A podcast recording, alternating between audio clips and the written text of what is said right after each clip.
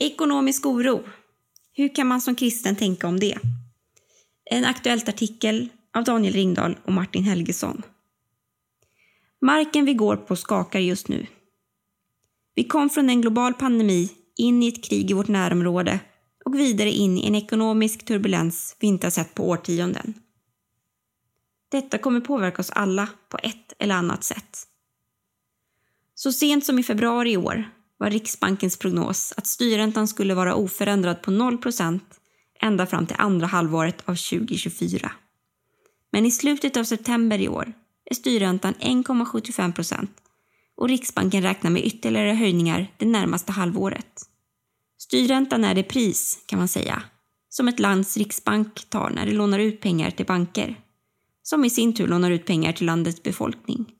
När det blir dyrare för bankerna att låna pengar måste deras kunder betala mer för sina lån och då stiger räntan för bolån, billån, studielån och andra lån. Det innebär att den enskilda individen får högre levnadskostnader och inte kan konsumera lika mycket. Vilket i sin tur påverkar hur mycket varor och tjänster företag kan producera, hur många anställda de kan ha och så vidare.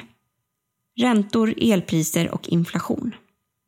Det är många saker som händer samtidigt just nu, både i Sverige och i omvärlden. Inflationen stiger, vilket gör att priserna ökar. Samtidigt höjs räntan, vilket gör att kostnader på lån ökar, vilket i sin tur driver upp priserna. Energipriserna har rusat i höjden, vilket företag måste kompensera för på olika sätt. I flera led höjs därför priserna och vi märker det till exempel på kraftigt höjda priser på livsmedel. Nu kommer vi att bli fattigare under de närmaste åren. Lånen är redan dyrare och kommer bli ännu dyrare, vilket gör att en större andel av våra inkomster kommer att gå till att betala ränta. Av det som är kvar måste vi betala mer för nödvändiga varor som el, drivmedel och livsmedel. Det blir helt enkelt mindre pengar kvar till sparande och nöjen. En del kommer inte att ha några marginaler alls. Vissa kommer kanske att behöva göra stora förändringar i vardagen för att få ekonomin att gå ihop. Vad göra? Det här är en ny situation för svenskar. Särskilt för oss som har vuxit upp från omkring 1995 och framåt. Hur hanterar vi oro över privatekonomin, sämre levnadsstandard och osäkerhet inför den ekonomiska samhällsutvecklingen? Först av allt måste vi komma ihåg Jesus ord. Samla er inte skatter på jorden, där rost och mal förstör och tjuvar bryter sig in och stjäl. Samla er skatter i himlen, där varken rost eller mal förstör och där inga tjuvar bryter sig in och stjäl. För där din skatt är, där kommer också ditt hjärta att vara. Matteus evangeliet kapitel 6, verserna 19 till 21. Bibeln är full av varningar för att fästa sitt hjärta vid pengar och ägodelar. De är dåliga vänner. Istället ska vi lägga våra liv i Guds händer, för han har omsorg om oss. En annan väg. I Filipperbrevet kapitel 4, vers 12 skriver Paulus Jag kan leva enkelt. Jag kan också leva i överflöd. Med allt och med alla förhållanden är jag förtrogen. Att vara mätt och att vara hungrig. Att ha överflöd och att lida brist. Det är en försummad vers jämfört med den som kommer efter. Allt förmår jag i honom som ger mig kraft. Paulus poäng är att tilliten till Gud öppnar en enastående möjlighet och frihet. Att finna både liv och lycka i något mer bestående än materiella omständigheter. Kanske kan man se den här tiden som en hjälp i helgelsen. Gud påminner oss om att det jordiska är förgängligt och att vi ska bygga våra liv på honom. Om vi tar emot prövningen i bön och tro kan vi få nåden att växa i tillit till Gud.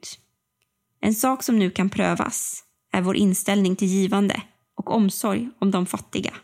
Det finns många fattiga och behövande över hela världen vars behov har blivit ännu större. Givmildhet och omtanke är något vi får öva oss i även när vi inte har överflöd. Bli praktisk. Sedan behöver vi vara praktiska. När man drabbas av ångest och oro kan det vara bra att bli just praktisk. Om jag bekymrar mig över ekonomin är det bra att göra en ordentlig sammanställning av mina inkomster och utgifter. Går bägge delarna ihop sig vid månadens slut? Om det slutar på minus måste jag kapa i mina utgifter. För det allra mesta finns det utgifter som inte är livsnödvändiga, som jag kan ta bort. Man får komma ihåg att det här stålbadet inte är för alltid. Om det ändå inte ser ut att gå ihop får man fundera över vilka strukturella förändringar man kan göra i livet. Kan jag kanske dela lägenhet med en kompis för att få ner kostnaderna? Kan jag hitta andra transportmedel än bil? Kan jag byta jobb till ett bättre betalt? Eller kan jag börja extrajobba om jag är student? Om du oroar dig för dina föräldrars ekonomi kan det vara bra att be dem förklara för dig hur er ekonomi ser ut. Det är dina föräldrar som är ansvariga för att ta hand om dig, inte tvärtom. Men om du tror att det skulle hjälpa din oro kanske du skulle be dina föräldrar om ett samtal. Bättre förståelse kan bidra till minskad oro. Men du måste givetvis vara beredd på att det kan se sämre ut än du hade förväntat dig. En hjälp i nöden. Kom ihåg att världen har gått igenom kriser förut. Vi kommer att ta oss igenom också den här perioden. Och förhoppningsvis kommer Guds folk ur den stärkta i sin visshet om att Gud är vår tillflykt och styrka. En hjälp i nöden, väl beprövad. Saltaren kapitel 46, vers 2.